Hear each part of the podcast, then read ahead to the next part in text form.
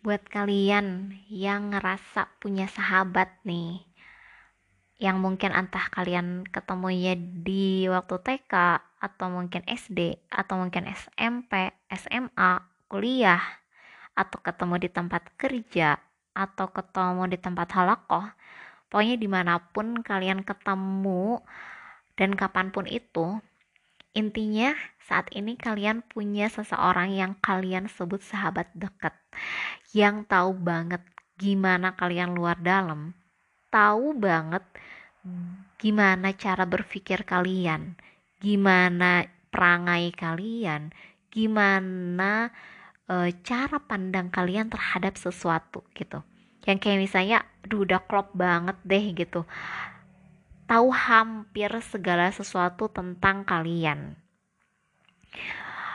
Aku pribadi yang ngerasa punya sahabat yang seperti itu ketika aku baca kisah tentang uh, Usaid bin Hudair aku menemukan satu persahabatan yang begitu indah antara Usaid dan Sa'ad bin Mu'az ketika baca kisah mereka mau masuk Islam nih how beautiful their friendship how amazing their friendship gitu. Nah, gimana sih kisahnya? Aku akan uh, cerita mungkin dari Usaid bin Hudair dulu ya. Ini siapa sih Usaid bin Hudair? Usaid bin Hudair ini adalah salah satu dari 12 pemimpin yang dipilih pada malam Aqabah dan dia ini adalah salah satu orang yang lebih dulu masuk Islam. Gimana sih kok Usaid bisa menjadi seorang uh, pemimpin? Udair itu adalah ayahnya Usaid. Beliau itu adalah salah satu bangsawan yang terkemuka di Madinah. Ini sebelum masuk Islam ya ke Madinah. Nah, Hudair juga adalah salah satu orang yang tewas pada peperangan yaitu di pada saat perang Buats. Pada saat perang Buats itu Hudair itu posisinya adalah seorang pemimpin suku Aus. Perang Buats terjadi antara suku Aus dan Khazraj. Nah, kenapa dinamakan perang Buats? Karena itu terjadinya di wilayah Buats, yaitu daerah pinggiran kota Madinah. Kapan sih terjadinya perang ini? Itu adalah enam tahun sebelum Nabi hijrah ke Madinah. Nah, jadi ketika Hudair ini tewas terbunuh di perang Buats ini, Usaid ini bukan menawarkan diri untuk menjadi pengganti sang ayah, gak gitu. Tapi kabilahnya yang memilih Usaid untuk menggantikan sang ayah. Kok bisa gitu ya? Usaid itu yang katanya saat itu masih muda itu terpilih menjadi seorang pemimpin. Ternyata Usaid ini dia memiliki karakter atau kepribadian yang cerdas. Dia memiliki ide-ide yang cemerlang. Kemudian dia adalah orang yang berani, sekaligus orang yang dermawan. Dan dia juga orang yang pandai dan menjunjung tinggi akhlak mulia. Selain itu, Usaid juga punya keahlian yang mana dia itu piawai menunggang kuda. Nah, di mana sih Usaid itu lahir? Jelas di Madinah. Di Madinah Al-Munawarah, tempat yang di mana para prajurit dan pasukan pembela Islam itu digembleng dan disiapkan untuk menyebarkan agama Allah. Oke, singkat cerita, Usaid ini dia bersahabat dengan Sa'ad bin Mu'az. Siapa Sa'ad bin Mu'az ini? Ini adalah temannya Usaid. Sedari kecil, mereka itu selalu bersama-sama, kayak nggak terpisahkan, kecuali waktu tidur aja. Baik itu ketika mereka pergi-pergian, ataupun misalnya mereka ada di wilayah mereka gitu. Pokoknya ke mana-mana tuh kayak selalu berdua gitu ya. Nah serunya nih mereka itu nyari tempat buat ngobrol-ngobrol mungkin kalau kita zaman sekarang itu buat kongkow gitu itu justru di luar kota Madinah padahal mereka tinggal di Madinah gitu ya nah di mana sih tempatnya tempat yang paling sering mereka pakai itu adalah di bawah pohon kurma di kawasan Bir Marok. Setiap harinya mereka itu duduk-duduk di sana, di bawah sepohon kurma ini. Ngobrol-ngobrol, cerita-cerita, dan quality time ya menurutku karena bukan sekadar ngobrol-ngobrol atau cerita-cerita biasa aja, tapi mereka juga sekaligus ngobrolin tentang masalah-masalah yang dihadapi sama suku Aus. Selain itu, mereka juga mempersiapkan siasat gimana cara menghadapi suku Khojraj untuk balas dendam atas kematian sang ayah dari Usaid, yaitu Hudair. Nah, suatu ketika ketika mereka lagi duduk-duduk gitu kan ya di bawah pohon kurma, ya mereka ngelewatin hari seperti biasanya gitulah tiba-tiba datang Kaab bin Al-Haris. Kaab ini datang ke Usai dan Sa'ad itu menceritakan tentang seorang pemuda yang bernama Mus'ab bin Umair. Mus'ab bin Umair ini siapa? Kalian udah pada tahu dong ya. Dia adalah uh, utusan pertama yang diutus oleh Rasulullah untuk menyeru Islam di Madinah Beliau juga adalah juru dakwah yang pada akhirnya meraih mati syahid. Nah, Muslim ini kan adalah orang muhajirin. Beliau datang dari Mekah dan kemudian tinggal di rumah As'ad bin Zurarah. Nah, ini menariknya. As'ad ini adalah bangsawan suku Khajraj. Tapi dia ini adalah sepupunya Sa'ad bin Mu'az. Sa'ad bin Mu'az ingat adalah sahabatnya Usaid bin Hudair. Nah, jadi Mus'ab bin Umair itu datang dan tinggal di rumahnya sepupunya Sa'ad bin Mu'az yaitu As'ad bin Zurarah. Dan kemudian As'ad bin Zurarah ini menjadikan rumahnya itu sebagai markas dakwah kepada Allah. Nah, kebayang gak sih? Usaid dan saat itu kan ibaratnya lagi bincang-bincang mempersiapkan untuk balas dendam ke suku Hajraj di mana sepupunya dari saat ini juga adalah bagian dari suku Hajraj gitu ya. Nah, tapi ini menariknya uh, aku nemuin cinta yang uh, apa ya menyentuh antara sepupu ini. Maksudnya cinta karena Allah ya. Kenapa?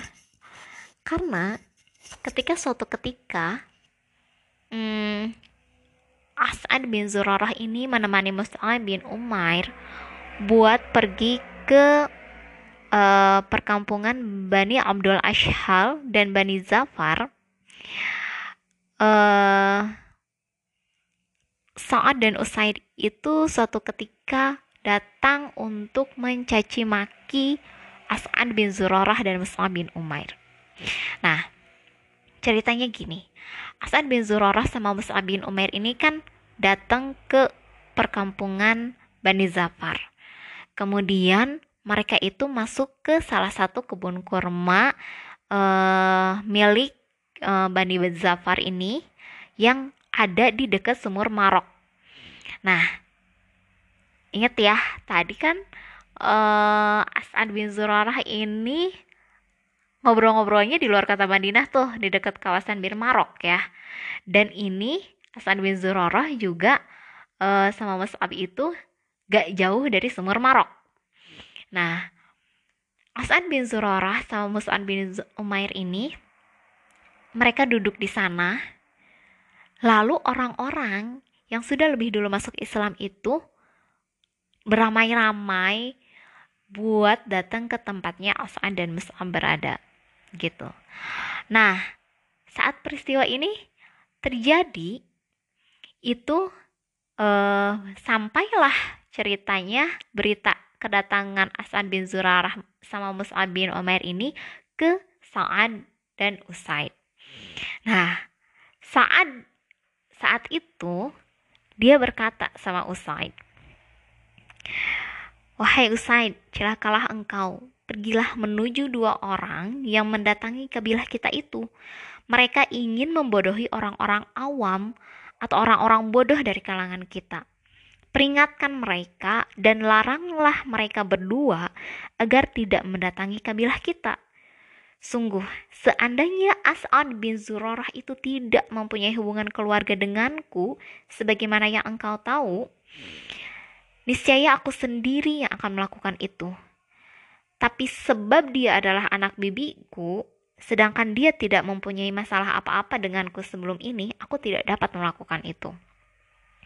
Nah, akhirnya kan Usaid itu terpancing ya emosinya oleh perkataan Sa'ad bin Mu'az ini. Usaid itu cepet-cepet dia ngambil tombak buat ketemu sama Mus'ab dan As'ad. Nah, ketika akhirnya Usaid bin Hudair ini ketemu sama Mus'ab dan As'ad bin Zurarah, uh, As'ad berkata kepada Mus'ab ketika melihat kedatangan Usaid ini, Orang ini, yaitu Usaid bin Hudair, adalah pemimpin kaumnya. Dia datang untuk menemuimu, maka jujurlah kepada Allah atau berhati-hatilah dalam menghadapi orang ini. Tapi apa jawaban Mus'ab? Jawaban Mus'ab saat itu adalah, jika dia, Usain bin Hudair, bersedia untuk duduk, aku akan mengajaknya bicara. Nah, ketika Usaid itu sampai di depan Mus'ab dan As'ad, Usaid itu tiba-tiba mencaci mereka, mencaci maki gitu ya. Sampai dia bilang setelah mencaci maki itu selesai, apa yang membuat kalian datang ke tempat kami? Apa kalian berdua ingin membodohi orang-orang awam kaum kami? Pergilah kalian dari tempat kami jika memang kalian masih menyayangi diri kalian. Dijawablah oleh Mus'ab, Sudikah engkau duduk dan mendengarkan penuturanku sejenak saja? Jika suka, silahkan engkau menerimanya. Tetapi jika tidak suka, silahkan engkau meninggalkannya. Usaid menjawab, cukup adil. Akhirnya Usaid itu menancapkan tongkatnya dan duduk bersama mereka berdua. Kemudian Mus'ab memaparkan kepada Usaid mengenai Islam dan membacakan kepada Usaid itu Al-Quran. Kemudian Mus'ab dan uh, Mus'ab dan As'an itu berkata, Demi Allah, kami telah melihat cahaya Islam sebelum Usaid berbicara melalui pancaran wajahnya. Setelah Mus'ab memaparkan kepada Usaid tentang Islam, kemudian membacakan kepada Usaid itu adalah ayat Al-Quran, maka Usaid berkata, Alangkah indah dan menakjubkan perkataan ini. Apa yang kalian perbuat jika ingin masuk agama ini? Kemudian Mus'ab dan As'ad berkata, Mandilah dan sucikan kedua pakaianmu, kemudian bersaksilah dengan persaksian yang benar, yakni syahadat. Lalu kerjakanlah salat.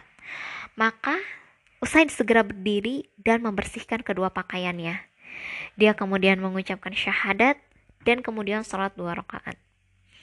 Setelah itu, Usaid berkata kepada Mus'ab dan As'ad, di belakangku ada seseorang yang jika dia menjadi pengikut kalian berdua, niscaya tidak akan ada satupun dari kaumnya yang tidak mengikutinya.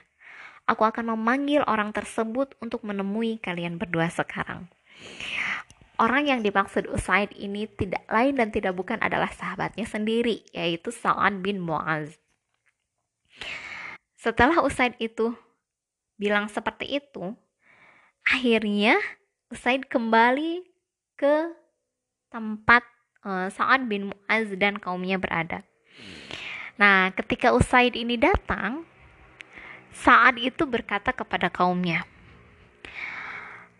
Aku bersumpah demi Allah, usai datang kepada kalian bukan dengan raut wajah yang sama ketika dia pergi meninggalkan kalian sebelum ini. Nah, sampaikan si Usaid itu ke tempat Sa'ad dan kaumnya. Kemudian Sa'ad berkata kepada Usaid, Apa yang telah engkau lakukan?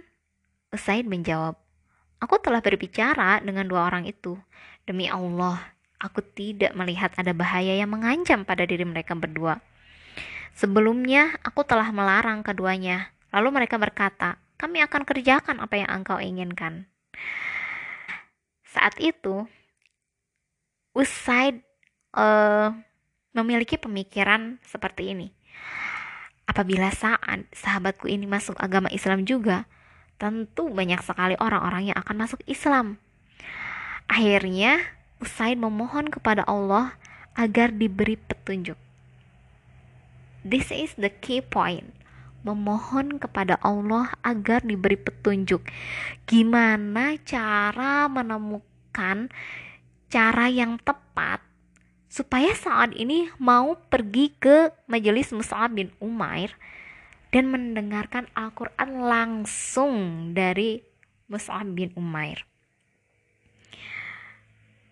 Sampai akhirnya Usaid bergumam sama diri sendiri seandainya aku berkata kepada Sa'ad bahwa aku telah memeluk agama Islam tentu dia akan menyangka bahwa aku menginginkan dirinya memeluk Islam juga. Ini karena saat itu uh, sahabatnya Usaid yang Usaid itu udah tahu gitu gimana saat itu gitu ya tahu gimana cara pikirnya jadi saat tuh gak bisa gitu ya dibujuk dengan cara seperti itu menurut pemikirannya Usaid. Nah, Usaid juga berpikir, kalau aku bisa membuatnya bertemu langsung dengan Mus'ab bin Umair, maka secara tidak langsung aku bisa membuat hatinya terbuka jika dia menyimak apa yang disampaikan dan dibacakan oleh Mus'ab bin Umair kepada Sa'ad sebagaimana apa yang sudah terjadi dengan diriku. Qadarullah, Allah memberikan petunjuk hidayah kepada uh, Usaid. Ini strateginya Usaid ya. Dia memancing fanatisme kesukuan dari Sa'ad. Usaid berkata kepada Sa'ad, Sungguh, aku mendapat informasi bahwa Bani Harosah telah pergi untuk mencari As'ad bin Zurarah, sepupumu, dan hendak membunuh As'ad. Padahal mereka tahu dia adalah anak bibimu. Mereka melakukan itu semata-mata untuk merendahkanmu, saat Terbakarlah fanatisme kesukuannya dari saat ini. Akhirnya saat itu dia dengan muka merah padam kemudian dia bergegas buat cepet-cepet pergi ke tempatnya Mus'ab dan As'ad gitu. Kenapa ini? As'ad kan berasal dari suku Hajraj kemudian Sa'ad kan berasal dari suku Aus keduanya itu adalah perang bahkan saat itu menyusun rencana uh, mempersiapkan siasat buat balas dendam ke suku Khazraj. Tapi karena ada rasa cinta persaudaraan terhadap sepupu, saat itu cepat-cepat pergi ke tempatnya As'ad. Khawatir kalau terjadi hal yang disebutkan oleh Sa oleh Usaid itu tentang Bani Harasah yang akan membunuh As'ad untuk merendahkan Sa'ad gitu ya. Nah, Ketika saat akhirnya sampai di tempatnya Mus'ab dan As'ad, beliau melihat ini kok aman-aman aja, tenang-tenang aja, nggak ada tanda-tandanya Bani Harasah itu datang mau membunuh As'ad gitu. Akhirnya dia sadar di situ kalau dia itu istilahnya kena tipu daya atau trik dari Usaid gitu. Wah, kalau aku di sini ngerasa mungkin mungkin kalau aku ada di posisi saat itu aku akan berpikir wah parah nih sahabatku gitu ya. Apa maksudnya nih? gitu kan. Memancing memancing seperti itu gitu. Tapi karena tadi kita kenal banget sama sahabat kita kita udah bisa ngerasain feeling dia punya maksud nih ada apa nih? gitu kan. Sampai aku didorong untuk datang langsung ke Mus'ad dan As'ad buat apa gitu ya. Akhirnya uh, reaksi dari saat pertama kali itu adalah sama dengan Usaid. Dia mencaci maki Mus'ab dan As'ad setelah selesai mencaci maki keduanya, Sa'ad kemudian berkata di depan mereka itu, Wahai Abu Umamah, maksudnya kepada As'ad bin Zurarah, Seandainya tidak ada hubungan kerabat antara aku dan engkau, niscaya engkau tidak akan pernah berambisi untuk berharap banyak dariku, dan tidak akan pernah berharap untuk dapat mencapainya. Tetapi, apakah engkau ingin memasukkan ke rumah-rumah kami sesuatu yang kami benci? Maksudnya di sini sesuatu yang kami benci itu adalah Islam yang belum diketahui oleh Sa'ad. Karena saat itu kan Sa'ad masih musyrik, sedangkan sahabatnya Usaid telah masuk Islam. Nah, karena As'ad itu sebelum uh, Sa'ad berdiri di depan mereka berdua berkata demikian, dia telah berkata kepada Mus'ab bahwa Wahai Mus'ab, Demi Allah telah datang kepadamu seorang pemimpin kaumnya. Seandainya dia bersedia mengikutimu, niscaya tidak akan ada dua orang pun yang tidak mengikutimu. Akhirnya, yang menjawab perkataannya saat terhadap As'ad itu adalah Mus'ab. Bukan dijawab oleh As'ad. Nah, Mus'ab kemudian berkata kepada Sa'ad, Sedikah engkau duduk dan mendengarkan? Jika engkau menyukainya, maka silahkan engkau ambil dan jika tidak suka, maka kami akan memisahkan engkau dari apa yang engkau tidak suka itu. Saat menjawab hal yang sama dengan Usaid menjawab kala itu. Cukup adil.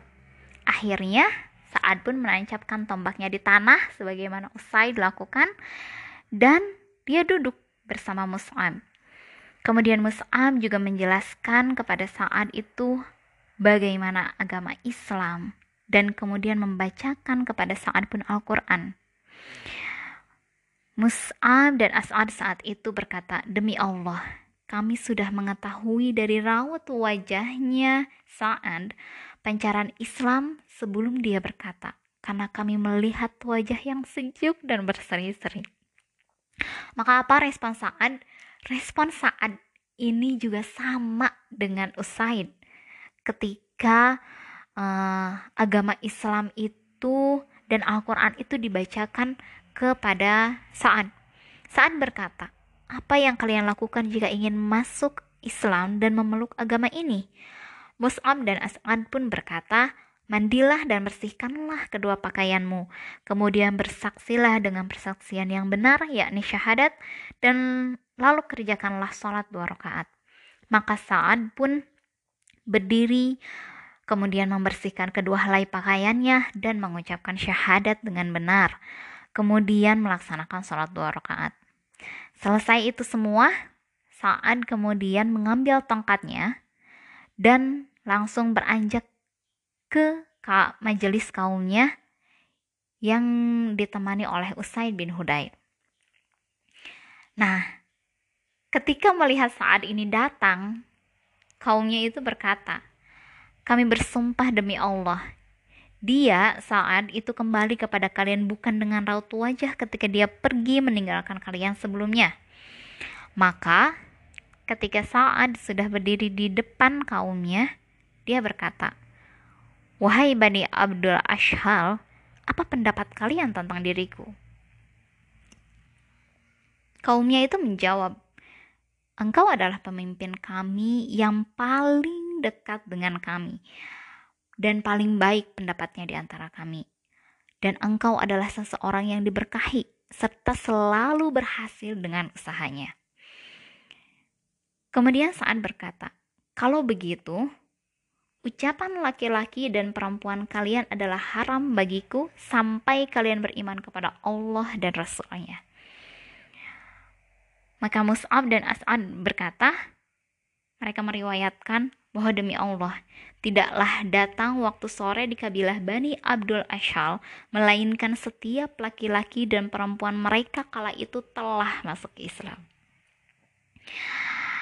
Akhirnya As'ad dan Mus'ab kembali ke rumah As'ad bin Zurarah. Kemudian Mus'ab tinggal di sana untuk meneruskan dakwahnya hingga tidak tersisa satu rumah orang Ansor pun melainkan di rumah itu terdapat laki-laki atau perempuan muslim. Ini dari kisah masuknya Usaid bin Hudayr dan Sa'ad bin Mu'az ini ada beberapa learning point yang aku dapetin uh, dari baca kisahnya mereka. Pertama itu adalah ketika peristiwa Usaid mengajak saat bertemu langsung dengan Mus'ab bin Umair ya. Itu kan uh, Usaid itu begitu mengenal karakter sahabatnya. Sampai akhirnya gimana caranya gitu ya? Uh, supaya mengajak sahabatnya itu mau mengenal dan kemudian masuk Islam.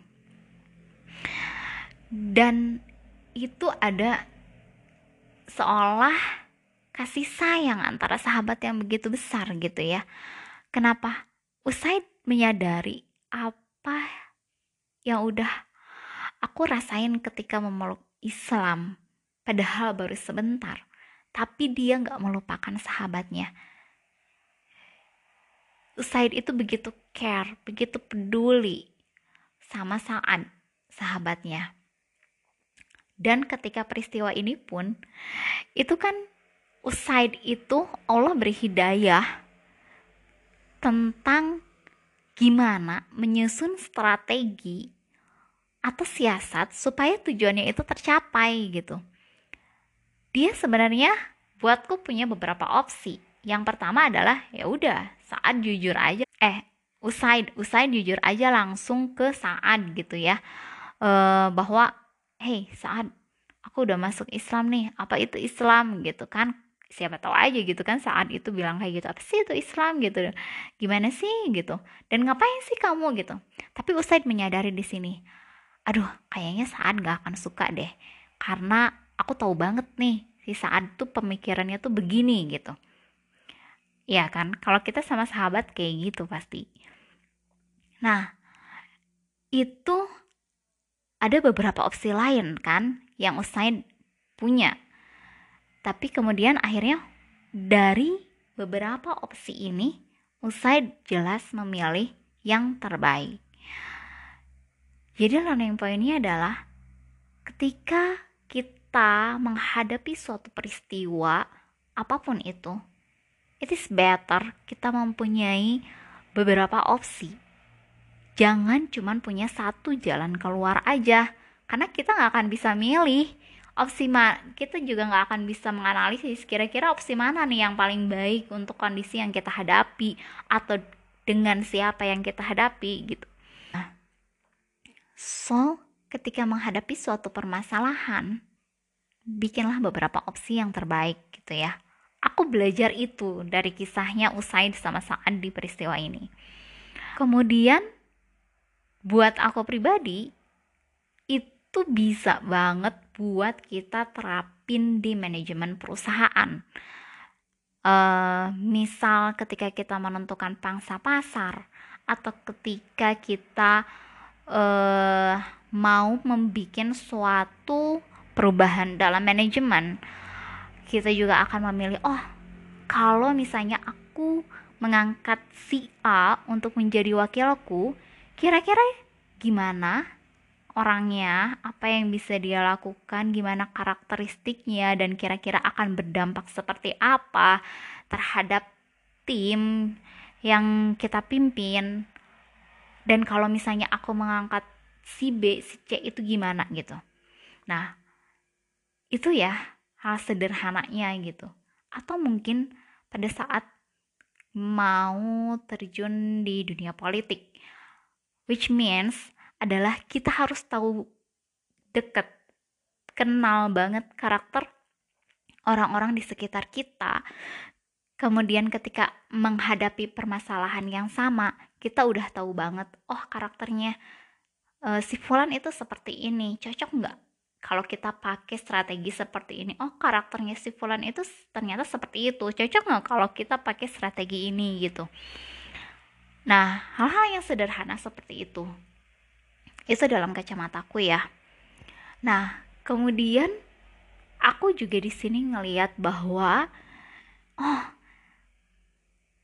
kisah dari Usaid mengajak saat bertemu langsung dengan Mus'ab ini dengan memancing fanatisme kesukuan dari saat ini itu adalah bukti dari bahwa Usaid itu memang iya cerdas dan dia itu pandai gitu. Ide-idenya tuh ya walaupun betul itu semua pasti datangnya dari Allah karena itu adalah salah satu bentuk hidayah. Tapi karakteristik dari Usaid ini ya dia punya ide-ide yang cemerlang dia juga pandai untuk menyusun siasat gitu ya. Kemudian learning point yang selanjutnya adalah saat saat sadar nih dia termakan tipu daya atau trik dari Usaid ini. Meski awalnya saat ini uh, mencaci maki uh, As'ad dan Mus'ab tapi kan pada akhirnya saat ini sadar oh sahabatku ini nih punya makna terselubung nih gitu. Akhirnya dia apa? Mendengarkan ini. Ini key pointnya adalah kita bisa aja terbakar emosi di satu waktu tapi bukan berarti kita uh, tidak mendengarkan ketika ada orang yang menawarkan kamu mau dengar nggak? gitu ya. Itu jadi aku melihat karakteristik saat ini dia mampu meredam emosinya sejenak dan dia bersikap bijak ketika dia dikuasai oleh uh, mungkin rasa amarah gitu ya di saat itu. Tapi ketika ada tawaran kamu mau dengar nggak? Saat itu berkata oke okay, aku dengar gitu ya. Nah jadi uh, manajemen emosi ini penting dan aku merasa uh, saat itu punya itu gitu. Next poinnya adalah belajar dari saat ternyata penting loh buat menjadi orang yang berpengaruh itu. Dan mungkin ketika kita adalah seorang pemimpin, penting banget kita jadi orang yang dekat dengan orang yang kita pimpin. Penting banget untuk menjadi seorang pemimpin itu punya pendapat yang uh, melampaui uh, pendapat-pendapat yang dipimpinnya. Artinya kalau misalnya orang yang kita pimpin itu punya lima solution atau suatu permasalahan yang kita punya, lima opsi, maka pemimpin itu dia punya lebih atau bisa jadi sama. Tapi pemimpin ini mampu melihat mana yang paling baik dari pendapat-pendapat yang ada atau solusi-solusi atau suatu permasalahan yang ada gitu. Dan penting juga untuk kita menjadi orang yang berhasil dalam usaha, which means uh, kita betul-betul ikhtiar sampai akhir gitu ya. Benar bahwa hasil itu adalah Allah yang menentukan, tapi kita punya tekad untuk berhasil dalam usaha kita. Misal, kalau kita adalah seorang entrepreneur, kita punya tujuan, aduh aku pengen berhasil nih, gitu. Kita kan pasti menyusun strategi gimana-gimana. Kalaupun misalnya yang dagang, kita kan pasti juga punya, aku pengen daganganku ini laris nih, gitu. Gimana caranya? Kita mungkin banding-bandingin harga sama sebelah dan sebagainya. Ya pokoknya everything gitu kita lakuin supaya usaha kita ini berhasil selama masih dalam jalan yang benar. Nah, kenapa aku ngerasa penting banget jadi orang yang berpengaruh atau menjadi pemimpin? Ini terutama bagi laki-laki ya. Itu karena dengan kita punya pengaruh, itu kita bisa memberikan big impact buat orang-orang sekitar kita gitu. Ini kalau konsep di zaman sekarang kita sebutnya adalah leadership. Ini penting banget kita punya leadership gitu. Kenapa? Karena kebayang gak sih berapa banyak pahala yang Usaid itu dapetin dengan dia menjadi perantara masuknya Sa'ad dan seluruh kaumnya masuk ke dalam Islam. Gak terhitung ya. Kenapa gak terhitung? Karena dengan Sa'ad dan seluruh kaumnya itu masuk Islam, ada berapa banyak kebaikan yang mereka torehkan demi Islam. Gitu. Kan bukannya kalau misalnya kita mengajak seseorang ke dalam amar ma'ruf itu pahalanya itu adalah pahala jariah yang akan terus mengalir gitu kan. Kebayang nggak? Ada berapa banyak yang Usaid itu dapatkan dari Sa'ad dan seluruh kaumnya. Wallahu alam gitu ya. Cuman Allah yang tahu. Nah ini pentingnya leadership Usaid ini dia berpengaruh banget kepada sahabatnya Sa'ad. Dan Sa'ad itu berpengaruh besar terhadap kaumnya. Gimana nggak penting yang namanya leadership itu? Penting banget kan? Dan di atas segala itu itu aku sampai pada satu titik pemikiran bahwa masya Allah karunia Allah itu begitu besar. Saat Allah ingin memberikan hambanya itu adalah hidayah. Jadi ingat Al-An'am ya. Ingat gak Al-An'am tentang key point? Siapa yang dibimbing oleh Allah? Itu kan ada tuh di Al-An'am. Di Al-An'am ayat 125 di situ di ayat Al-An'am 125 kan dibilang bahwa barang siapa yang Allah menghendaki akan memberikan kepadanya petunjuk niscaya dia akan melapangkan dadanya untuk memeluk agama Islam. Dan barang siapa yang dikehendaki Allah kesesatannya, niscaya Allah menjadikan dadanya sesak lagi sempit, seolah-olah dia sedang mendaki langit. Begitulah Allah menimpakan siksa kepada orang-orang yang tidak beriman. Ini, ayat ini, yang aku ingat itu, ini tidak ada asbabun nuzulnya. Tapi uh, makna dari barang siapa yang Allah menghendaki akan memberikan kepadanya petunjuk itu adalah petunjuk dalam konteks keimanan kepada Allah dan Rasulnya dan apa yang dibawa oleh Rasulullah yang hanya berasal dari Allah. Jadi Allah itu memberikan taufik dengan Allah melapangkan dada hambanya yang Allah berikan hidayah. Nah, maksudnya adalah Allah memudahkan hambanya itu untuk mendapatkan hidayah, memberi hambanya cahaya, dan melapangkan hati hambanya itu untuk menerima agama Islam. Karena bayangin, semudah itu usai dan saat itu masuk Islam. Di situ, di ayat ini juga ada hadis Rasulullah, yaitu Bagaimana Allah melapangkan dadanya?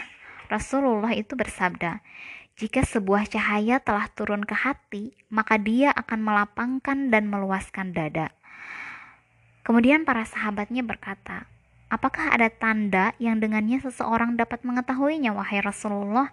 Rasulullah menjawab, "Ya, ya ada, yaitu condong kepada negeri yang kekal, menjauh dari negeri yang penuh tipu daya dan bersiap-siap menghadapi kematian.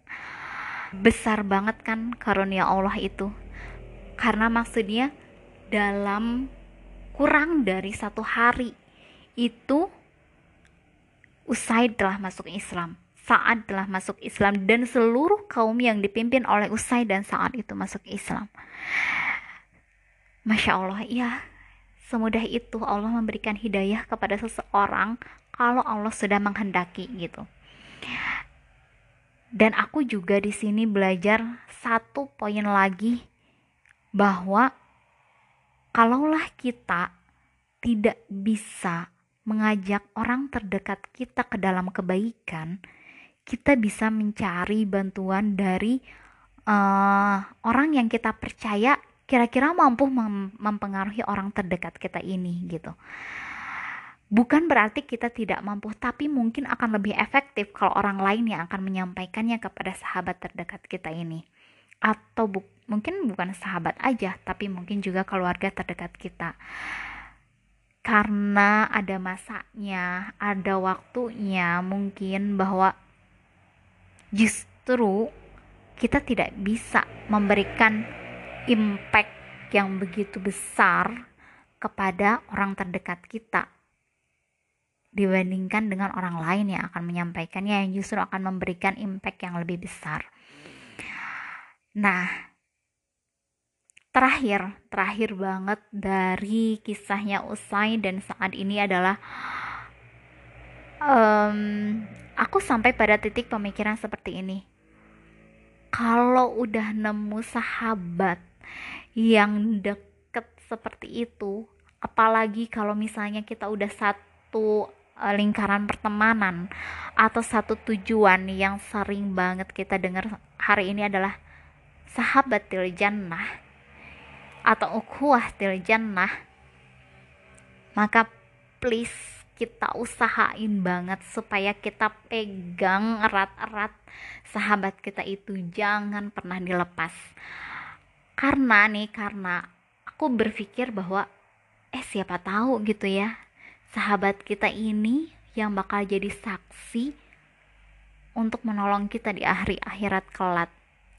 Nauzubillah min zalik nih kalau misalnya kita kita ditetapkan menjadi penghuni neraka, siapa tahu sahabat kita yang di surga yang justru akan menjadi saksi kepada Allah bahwa Ya Allah, sahabatku itulah, hambamu itulah yang mengajakku ke dalam kebaikan ini gitu. Yang siapa tahu Allah dengan rahmat dan karunia-Nya, dengan kasih sayangnya, dengan kebesarannya, dengan segala maha di atas segalanya itu mengangkat kita untuk masuk ke surganya juga. Itu sih. Indah banget kan persahabatnya Usai dan saat itu. Dan semoga kita punya sahabat-sahabat yang seperti itu.